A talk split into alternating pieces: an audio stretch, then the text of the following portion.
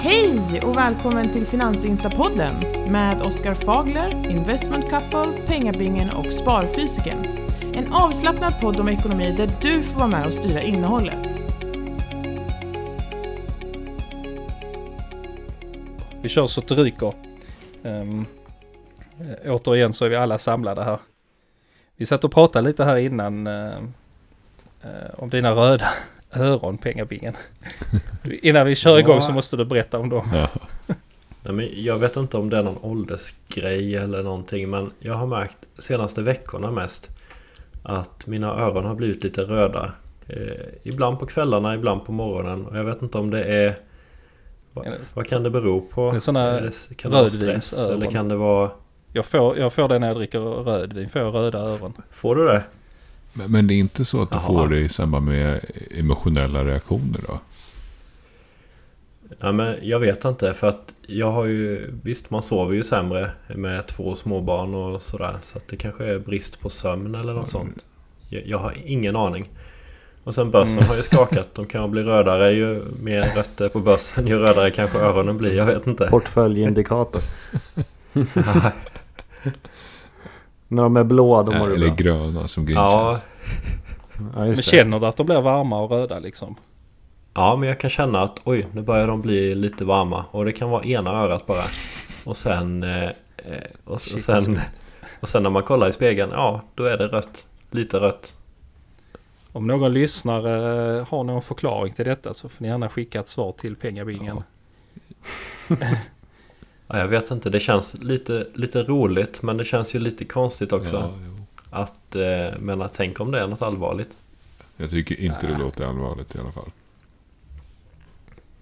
Det kan ju... Nej, du sitter ju och skrattar åt det här ju. ja, det... det... kan ju vara att du upptäcker det Precis. först nu, liksom att det är först nu du tänker på det. Precis. Många kan ju få lite röda öron och, av olika emotionella reaktioner. Till exempel stress eller pinsamhet eller vad det nu kan vara. Så, Man mm. rodnar om öronen ja. liksom. Eller alkohol som du nämnde. Ja, jo, men det, det blir jag. Jag blir varm och röd ja. om öronen om jag dricker Det är bara för att kärlen liksom dilaterar. Det är inget konstigt. Mm. Dilaterar, utvidgar ja, sig eller? Precis. Ja, precis. Vilka fina ord du slänger dig med. Kan, kan det vara högt blodtryck? Det, det är väl någonting Kanske som man kan tänka sig. Eh, annars kan jag väl inte tänka mig något annat som bara skulle ge sådär röda öron. Men hur mäter jag?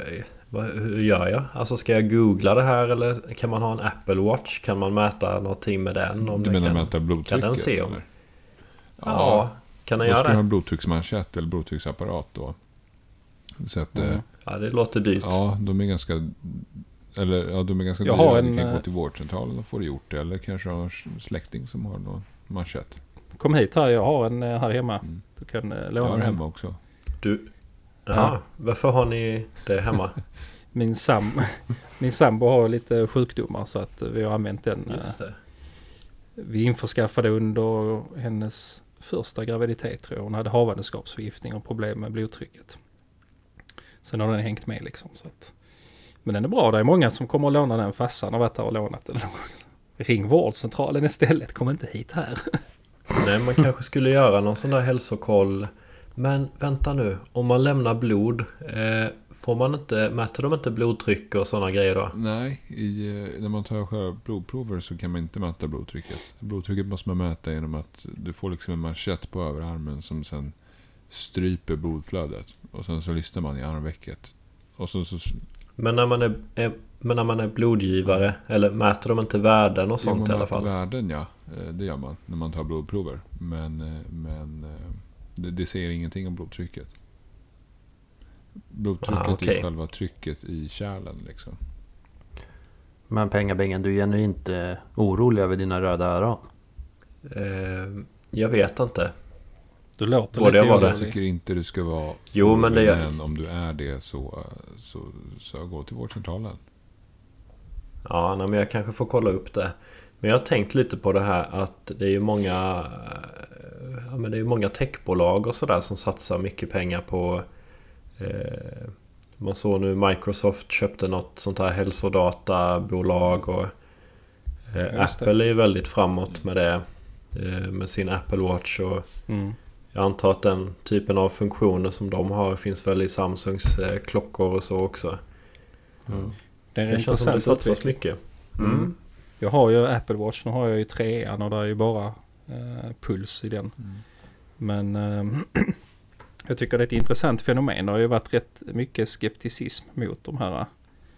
Men de blir ju bättre och bättre så att eh, och de kan ju hjälpa till med rätt mycket och hålla koll på speciellt för äldre personer eller personer som kanske har problem med balansen och sånt. Så kan den ju, Är det mer liksom att, att de inte funkar så bra eller är det integritetsfrågorna eller?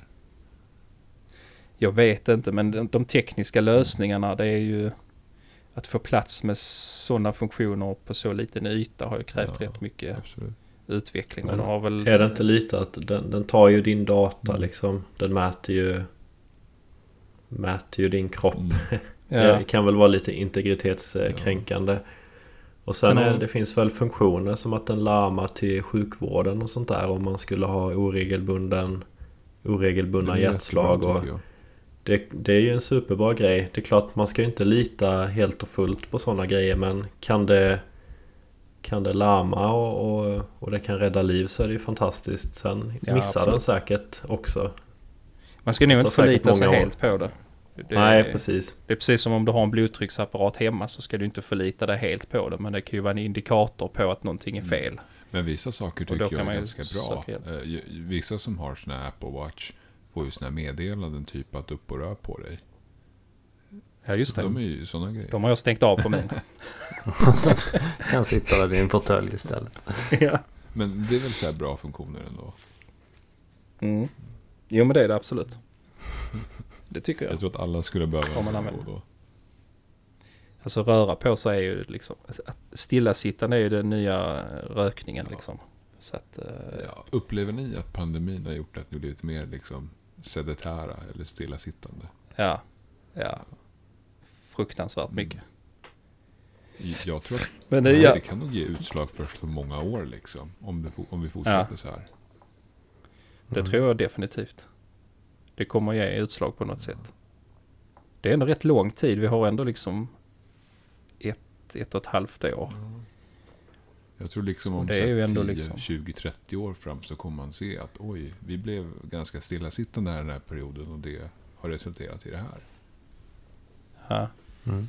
Men jag tror samtidigt att om man eh, utlandsresor och sånt där, det har ju varit helt stängt.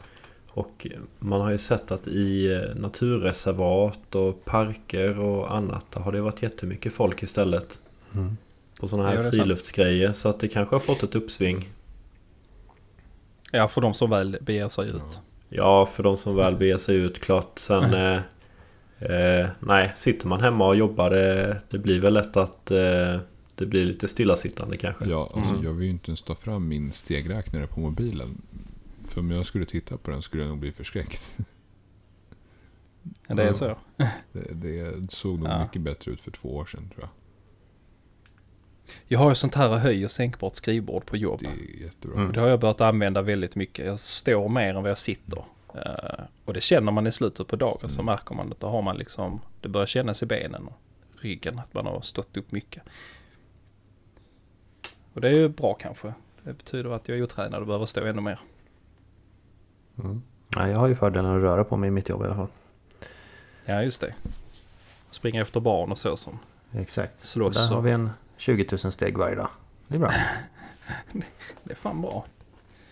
Du håller dig trim Oskar. Exakt. Fint. Jag Mot tänkte, min på det här, jag tänkte på det här med Katie Woods. Hon sa ju att eh, eh, Var det inte att om man överlever cancer de kommande Om det var 10 eller 15 åren så kommer man inte dö i cancer för Det händer så mycket där nu eh, Inom det området så att det Det kommer i stort sett eliminera sen Det låter ju helt otroligt men eh, Det är ju Mm. fantastiskt egentligen att det, det satsas så mycket på, på Jag detta nu Ja. Men är det, är det, det så här gene editing eller är det? Ja, nej det är nog gene editing eh, tror jag. Det är nog en kombination av Mm. olika, olika Och vi saker. får ju allt bättre Mm. screeningmetoder också. Så jag tror att de här folkcancersjukdomarna som prostata, bröst och liksom kolorektal och lungcancer och sånt där. Mm. Allt sånt där kommer bli mycket, mycket bättre eh, kommande åren. Sen så finns det de här ovanliga, svårare formerna som kanske kommer vara svåra att liksom behandla oavsett. Mm. Cancer handlar ju mycket om att upptäcka det i tid.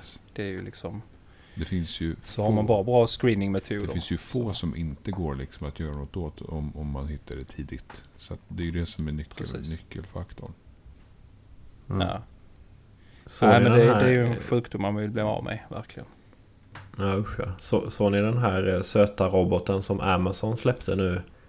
Eh, som ska Ja, men- glida, glida runt Astro. i ditt hem. Ja. Ja. Jag fattade såg- inte riktigt vad, vad syftet var med den. Jag läste inte så mycket om den men det var liksom att den kunde vad var det, ställa larm och åka runt och filma och patrullera hemma typ. Jag fattar inte. Ja, Vad har man den väl. Jag vet inte men den, den mäter väl om... Jag tänker för äldre människor och sådär kanske det kan vara jag har, sällskap och att den har koll så att man är uppe och rör på sig. Det kan inte vara sådana grejer. Jag har Det- inte koll just på denna den, grejen. eh, den kunde följa efter också och spela podcast. Så den, den stötte ju vår podd här indirekt. Alltså. Ja men det är, jag vet inte, jag ser framför mig något scenario där det liksom är någon slags... Det börjar med eh, att den är någon slags... eh, ja, den står i någon hörna och sen så följer den efter och filmar och kan larma om man är gammal och trillar och så. Precis som Apple Watch kan göra. Ja, man får väl Och sen börjar den kunna göra enkla sysslor och så här. lite som ett Det är husdjur som är lite mer behjälpligt och, och som faktiskt kan larma. Mm. Typ. Mm. Och sen blir den ondskefull. Då får den så här röda ögon istället. Ja, Men, precis. men syftet med den är alltså att den ska, vara, musik. den ska alltså vara som en säkerhet för någon som har svårigheter då eller? Jag vet inte, In, ingen av oss har ju koll på detta men, men jag tänker det kanske kommer i fler versioner än sån här och eh, till slut kanske den kan scanna av hur det går och så, så ser den att nej men du rör inte dig som vanligt. Då kanske den kan larma. ja. men i, fram, i framtiden kanske det kan bli att eh, att såna här att man är uppkopplad, att man har liksom robotar i hemmet som som märker om man Ambulansen dåligt får- innan man själv gör det. Ja, men Ambulansen får komma till sparfysiken varje helg för han sitter bara där i fåtöljen. Ja, Precis. precis. Ja, precis. Men jag tänker att de borde ju liksom kunna göra någon nytta också när de utöver det såklart. Att, alltså, att dammsuga och, eller säga till en att dammsuga. Nu har inte rört dig på hela dagen, nu måste du dammsuga. Jag vill inte ha en robot som ser ut med ett dammsug. Alltså med sån barsk röst liksom. Men jag fattar Aha, inte. Man, Nya Alexa-roboten det är ju som deras eh, variant av Siri där så man kan väl prata med den. Man kan säkert säga att den ska liksom Köp, eh, köp ett sexpack ägg och så lägger den väl det i din eh, sån Amazon varukorg då säkert. Ja, just det. Alltså allt sånt här kan kännas lite så här skrattretande i början och, och robotar som liksom, vad ska man då? Men allting har ju börjat en gång i tiden med någonting simpelt Ja. och sen så det är ju där innovationen sker liksom. Vi uppfinner inte det bästa direkt utan det är ju en utveckling eh, som sker löpande. mm. Så det är, jag, nej, jag, jag tycker det är häftigt. Röstnavigering den har en liten skärm också och den kan filma med en 12 megapixel kamera. Vi är inte sponsrade av Amazon men jag läser bara till här nu. Eh, ja, sen vad den gör för nytta det är hembevakning, hjälpa äldre på distans. Eh, Allmänt ökad bekvämlighet i vardagen står det. Mm. ja, ja. De lägger alltså 45 miljarder dollar eh, varje år eh, Amazon på inte bara på sådana här robotar då klart utan på all sin eh, forskning och sådär. Det är svårt att konkurrera med ett sånt eh, företag. 45 miljarder dollar. Framförallt att man har Ja. oändlig kassa och så kan man liksom hämta in de bästa ingenjörerna i hela världen.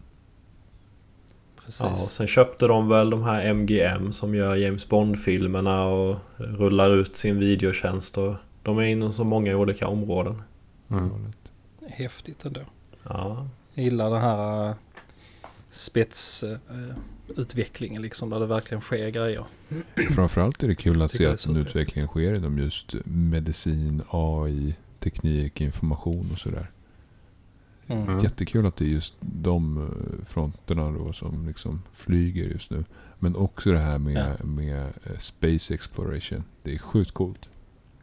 Men, eh, men det verkar mer och mer som att Elon mycket. Musk liksom fokuserar jättemycket på SpaceX. Och det verkar vara någon kapplöpning mellan honom och Jeff Bezos. Ja. Men det är ju där, det är ju där utvecklingen sker. Det är, det är så liksom mänskligheten tar steg Ja. framåt. Menar månlandningen tycker många var onödig och sådär men fick ju ut enormt mycket från den. Det är mycket teknik som utvecklades på väldigt kort tid. Mm. Som kanske hade tagit längre tid annars. Det var ju en kapplöpning. Månlandningen. Så det finns många sådana bra exempel. När människan pressas lite så, det, så presterar, man, eh, presterar man bra. Tänker jag i alla fall. Vad tänker vi om senaste tidens börsturbulens? Ja, just det. Det var lite rött på börsen där. hörde jag. Ja, jag, får- jag tänker lite på vårt senaste avsnitt om det här. Det måste ha varit ett halvår sedan nu, i våras.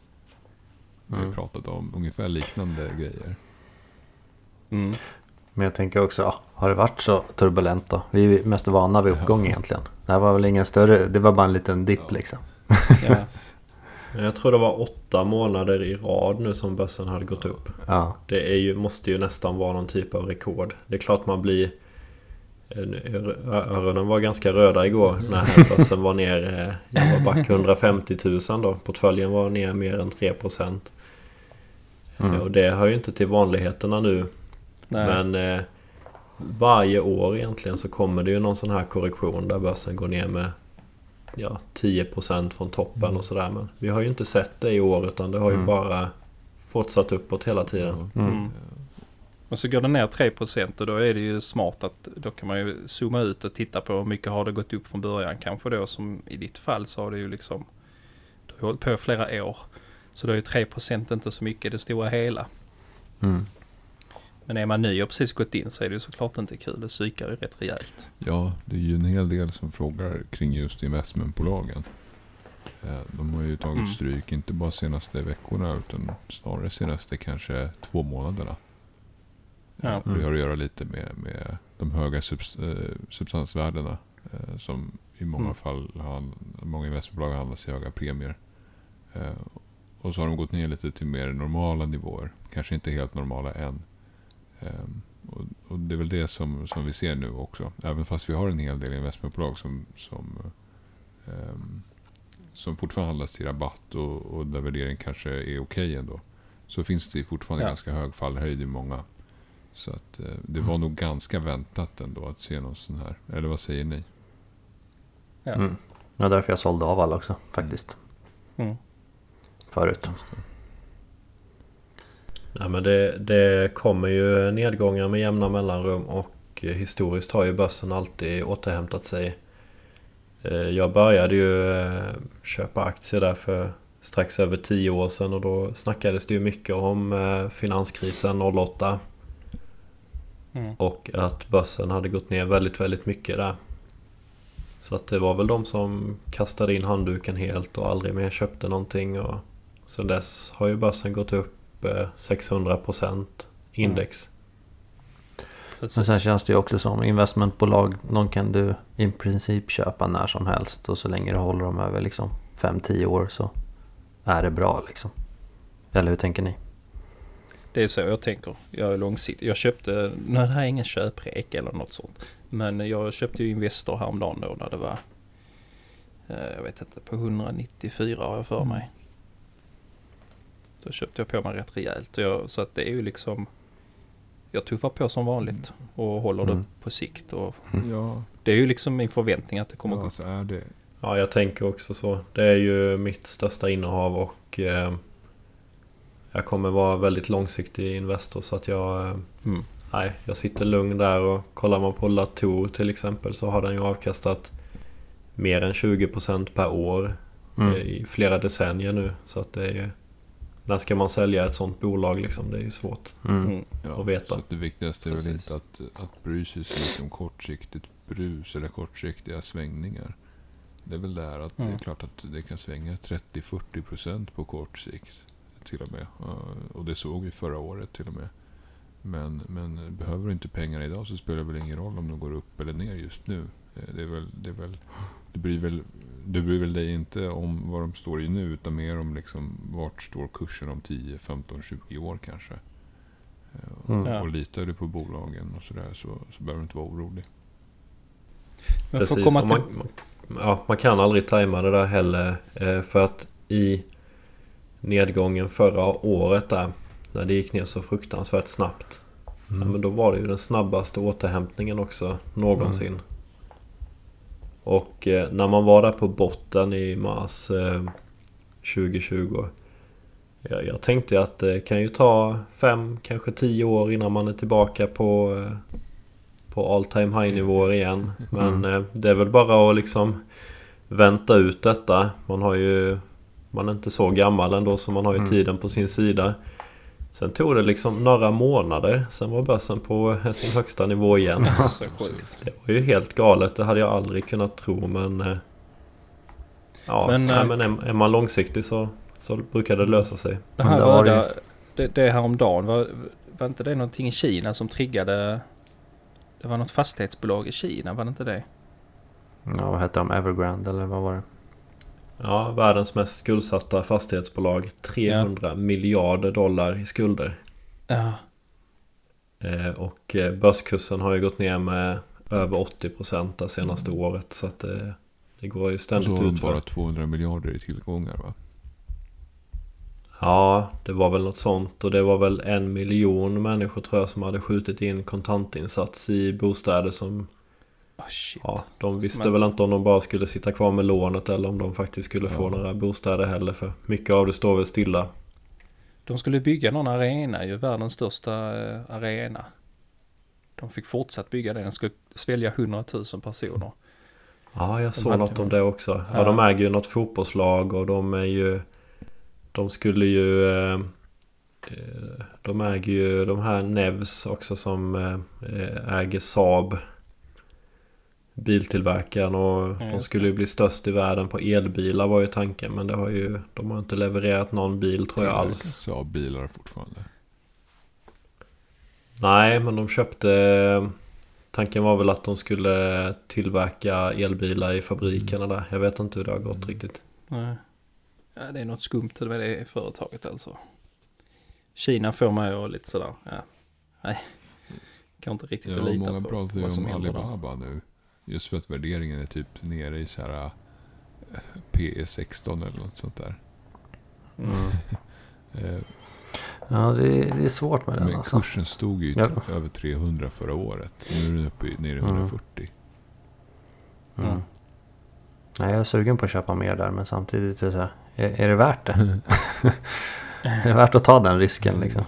Men många, alltså. Ja, kollar du bara på siffrorna så ser ju allting jättebra ut. Men Exakt. Kan man lita alltså på jag dem? tittar ju lite på sådana där, vad analytiker säger. Och då är det så att varenda en säger köp. Man, man säger liksom att Ja. uppsidan där är enorm. Men, men samtidigt, hur, precis som ni säger, vågar man lita på siffrorna? Mm. Det är svårt alltså. Nej, det är läskigt med Ja. Kina. Lite risky. Mm. Ja, nej, det händer mycket där. Mycket fuffens. Så är det med det. Jag läste en grej och måste bara ta upp detta. Jag tyckte det var rätt intressant. Eh, Jag läste om ett amerikanskt bitcoinföretag som köper två kolkraftverk och planerar att köpa tredje för att eh, använda till mining då av sina bitcoin. Det är helt Mm. sjukt, tänker jag. Alltså hur många bitcoin finns det kvar egentligen? Ja, Och liksom man köper kolkraftverk. Det, alltså det är ju ingen liten grej. ja. Nej. Det blir väldigt mycket mining. Jag vet inte riktigt hur Ja. det funkar och när det lönar sig. Men vad jag har förstått det så ju högre bitcoinkursen är desto mer lönar det sig att mina såklart. Eh, Ja.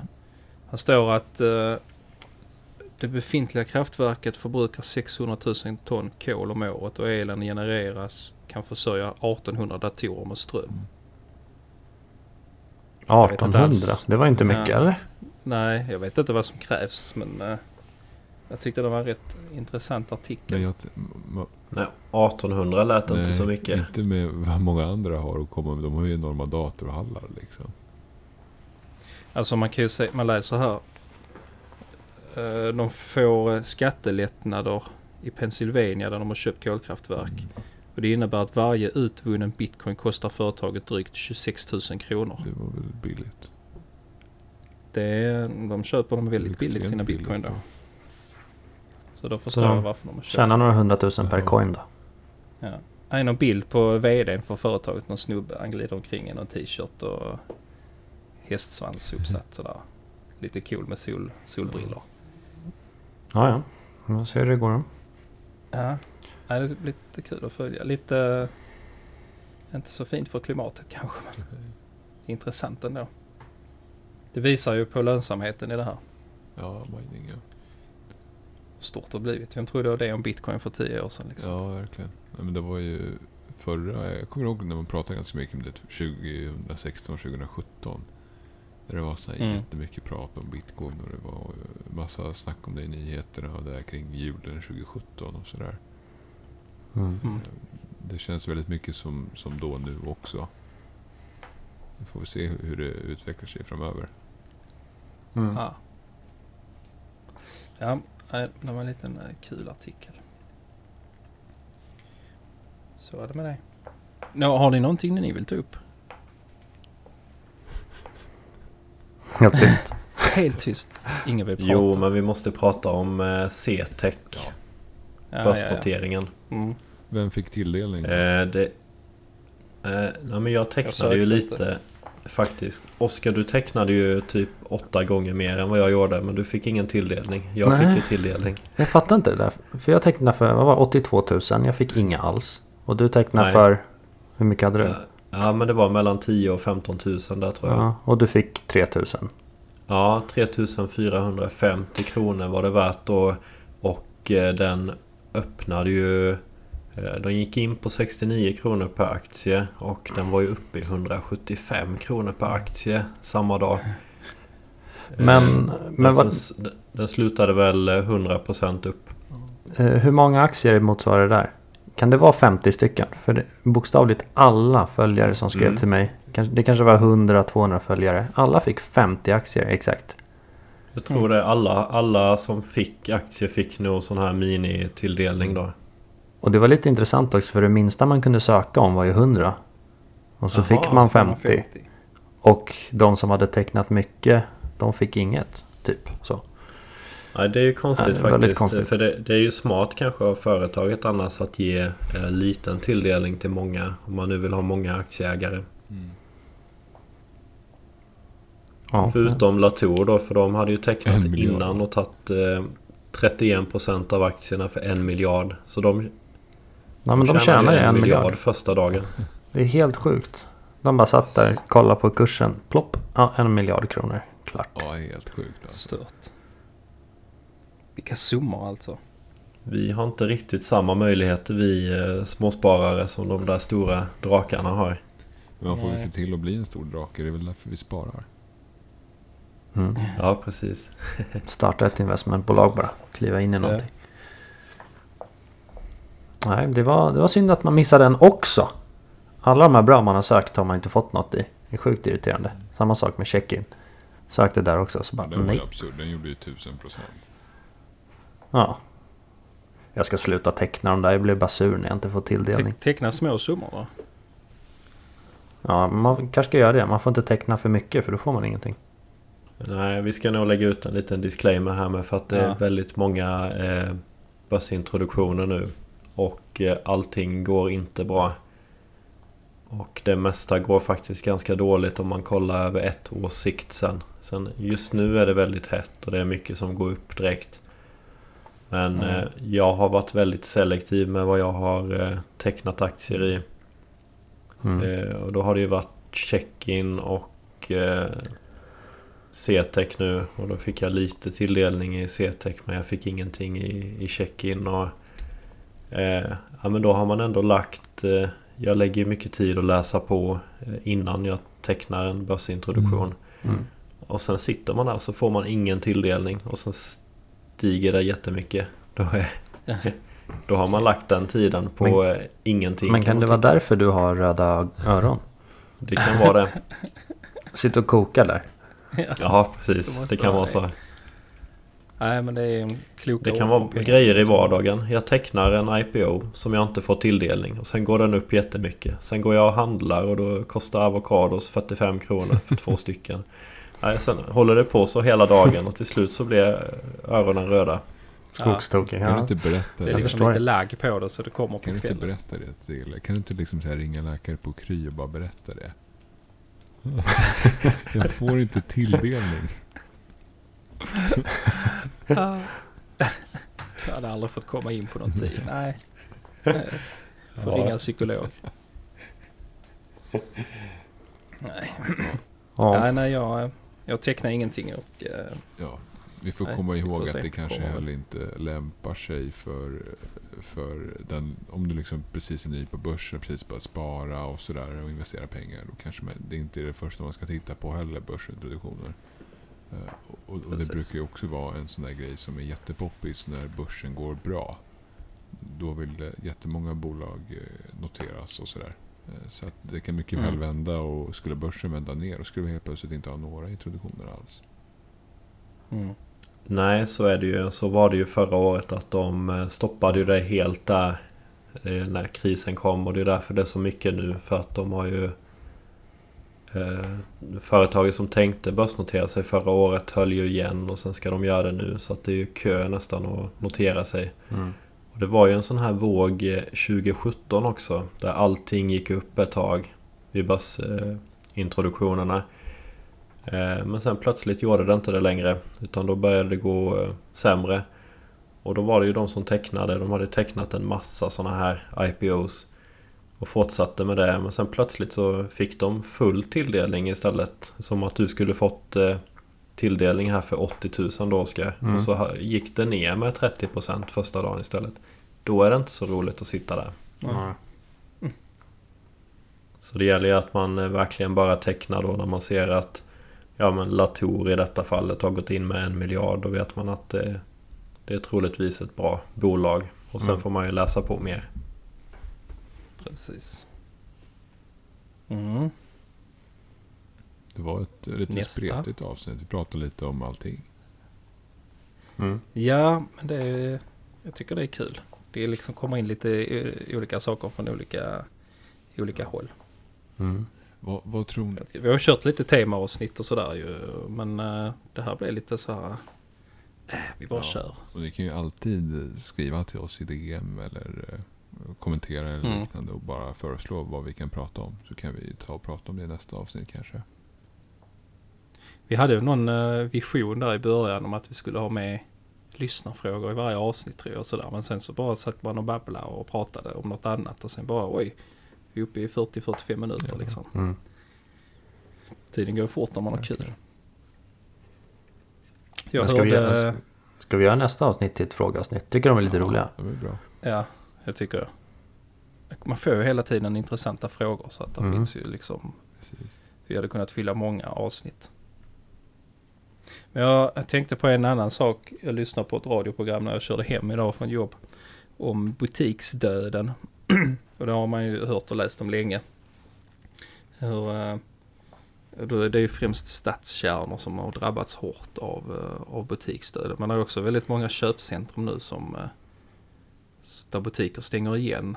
Jag hörde någonting om att förr så var det liksom alla de stora jättarna öppnade i, i de 250 köpcentrum som finns i Sverige. Så därför liksom, eh, men det funkar inte längre utan nu får man lägga ner istället och allting blir webbaserat.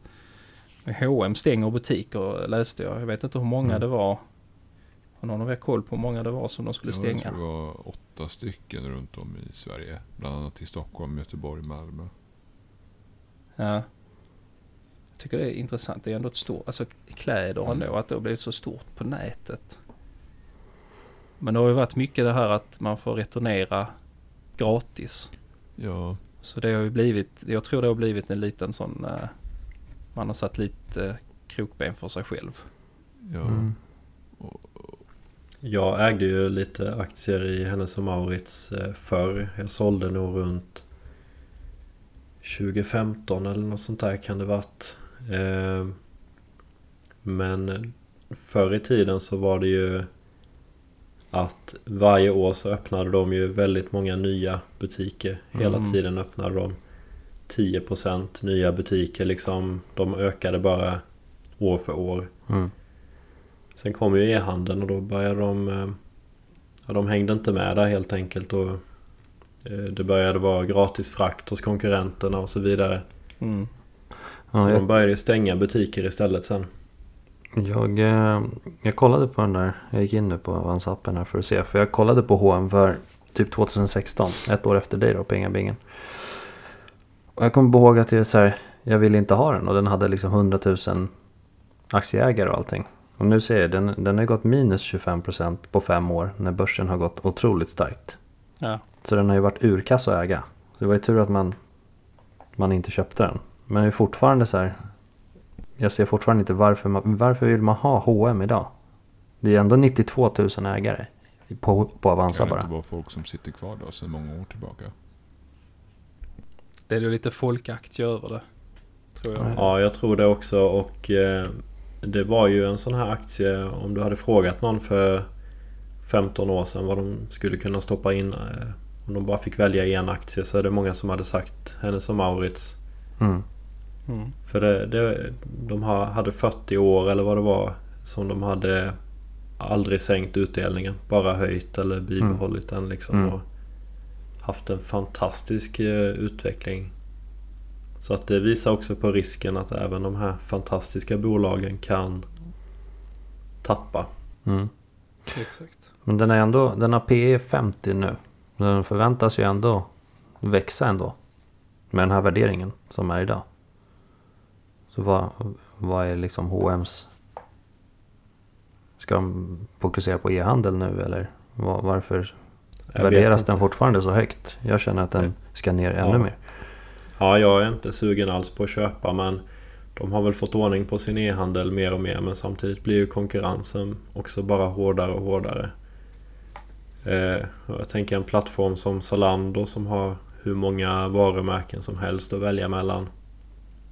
Istället för att gå in på, på H&M.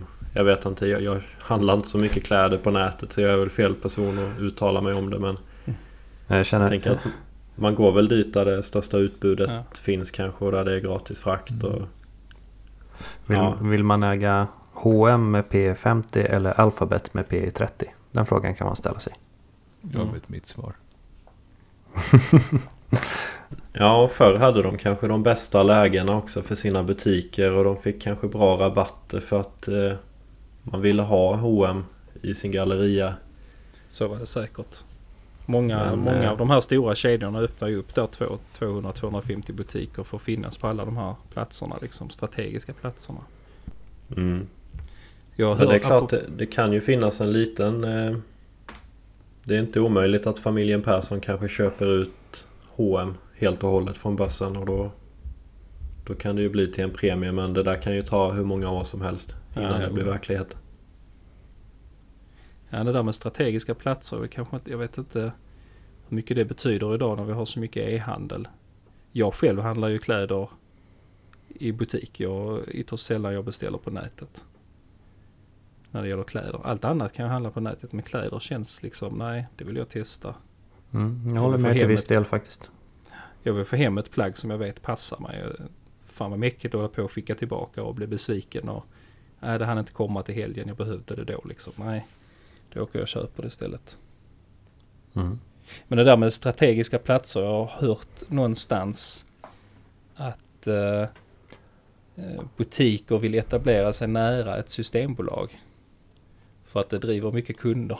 Ja, då pratar jag då om mat, matvaror.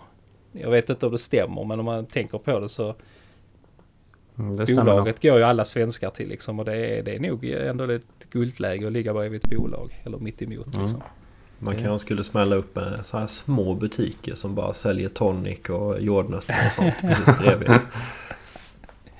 Ja, nu får vi se. Det kanske dyker upp nu när du har... Ah, jag skulle inte sagt det högt i Nej. podden. Vi Jag- klipper jag klipper bort det sen, det. är ingen fara. Ja, det är lugnt. Det är lugnt. Ja men det kanske... Salta pinnar också Ja, måste man sälja. Mm. det är ju sådana pop-up butiker finns ju eh, lite överallt som dyker upp och så finns de i några veckor eller några månader och sen försvinner de igen. De bara hyr in sig tillfälligt. Eh, Det finns i alla fall i Malmö vet jag och på något, eh, någon annan galleria här i Skåne. Ni får riva vidare om ni har något mer ni vill säga. Vi börjar ändå komma upp nu i 40 minuter. Jag tror, Vi, jag tror vi kan. Tesla Q3-siffror i helgen tror jag. Det blir intressant. Det får, vi ju, det får vi prata lite om.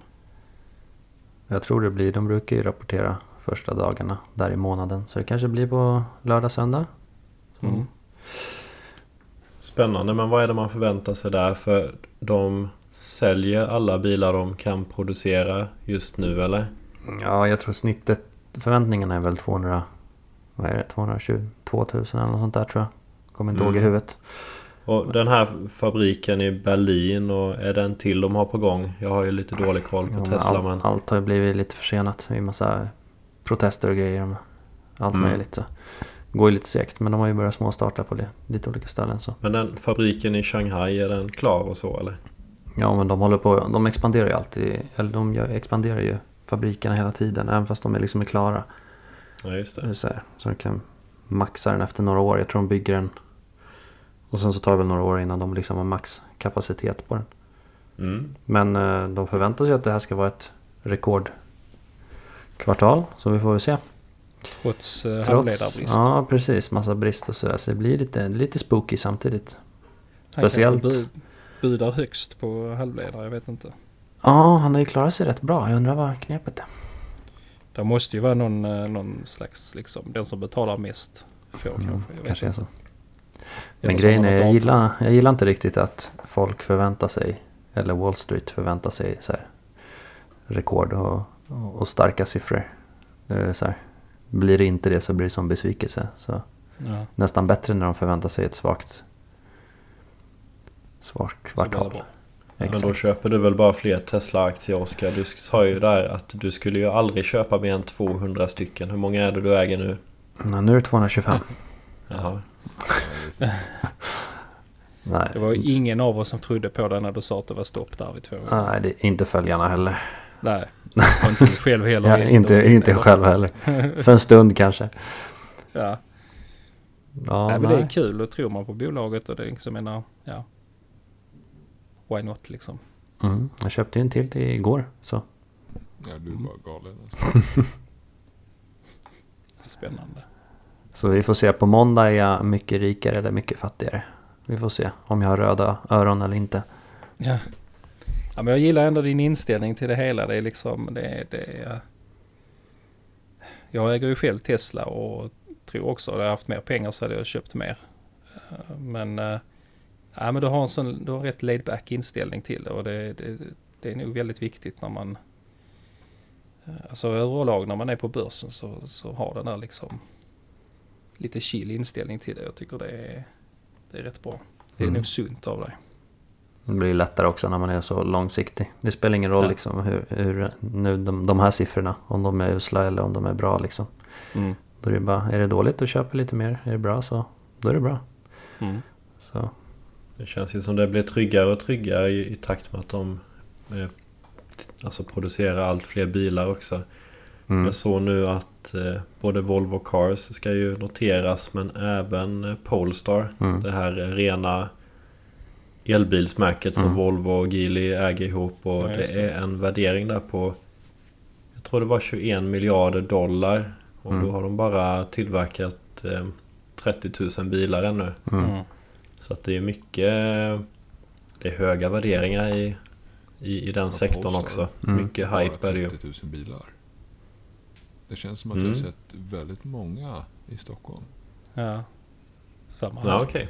Men jag tror det är, Polestar har ju mycket bilar här. De- har Mm. väl inte så många i USA och Kina liksom.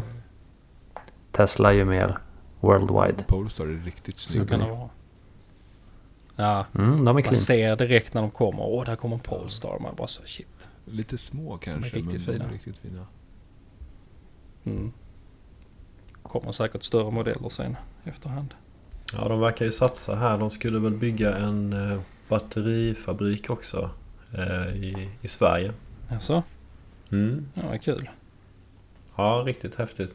Ja. Så det blir spännande att följa batteriutvecklingen nu de närmsta åren här. För att det Mm. kommer ju ta ett enormt kliv.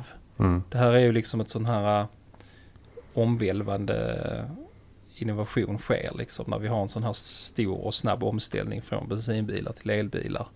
Och det kräver ju liksom alla krigar ju för att få längre räckvidd Mm. och skaffa miljövänligare och billigare batterier. Så det ska bli riktigt kul att få följa liksom vem som knäcker den där liksom det ultimata batteriet. När kommer det? Mm. Jag tror inte vi är så jättelångt bort alltså. Eh, Kostnaden har ju minskat med 90% på 10 år och effektiviteten har ökat med 90% på 10 år. Och de Precis. räknar med att det ska bli exakt samma utveckling de kommande 10 åren. Så Mm. om 10 år kan man ju tänka hur effektiva batterierna är. Kommer nog vara rätt Ja. galet faktiskt. Kan de bara få min iPhone att hålla längre än en dag så är jag nöjd. Exakt, där händer ingenting. Det går bakåt Ja, istället. det. Mm. Man kanske inte har något incitament att skapa ett bättre batteri. Mm. Mm. Det vara. Ja, Men de ska, Men- de, det blir lite bättre batteri men då har de ju kraftigare processorer och grejer som drar mer och så. Det blir plus minus noll. Eller bara att man, eh, man sparar Hand på det hand. bästa till sist så att säga. Man Mm. kommer ju undan Men jag- med jag att bara minns göra när- miniförändringar för varje år liksom. Mm. Jag, jag minns när Apple kom med den här Retina-skärmen. Mm. Och så sa de att ja, nu kan inte skärmen bli bättre för ögat kan inte uppfatta det bättre och bla bla bla. Och sen nu för varje version som kommer, ja men då är ändå ja, skärmen är lite bättre och så här säger de. Mm. Det är ju... Jag, jag, jag kan behålla samma skärm om jag får en dag mer batteritid på min Ja. telefon. Det känns ju som det är en gräns hela tiden men den pushas ju framåt och man tänker så, ah, men det kan inte, nu kan det inte uppfinnas mer på den fronten. Så kommer det något nytt ändå som är ännu mindre och ännu snabbare och ännu mer energisnålt liksom. Eller vad det är. Mm. Och så blir man så, shit det här var ju, det här var ju bättre ändå. Mm. Det får jag ju hela tiden. Ja, vad säger ni äh, grabbar? Ska vi runda av eller har vi... eh, Absolut. Det var ett kul avsnitt. Mm. Ja, det var roligt. Men vi kör ett frågeavsnitt nästa, nästa gång så Mm, det låter bra. bara ställa era frågor folk skickar in frågor. Mm. Det tycker jag. Men eh, vi rundar av där och eh, går och lägger oss eller vad vi nu ska göra. Yes. Ta en kvällsmacka ska jag göra. Det brukar jag göra. Det blir bra. Mm. Får ni ha det gött. Nej men vi säger så. Ha det bra allihopa. Ja, men eh, ta hand om dina öron PB. Ja just jag det. göra? Ja, Bra, bra. Ha det bra. Hej hej. Hej! Hej då.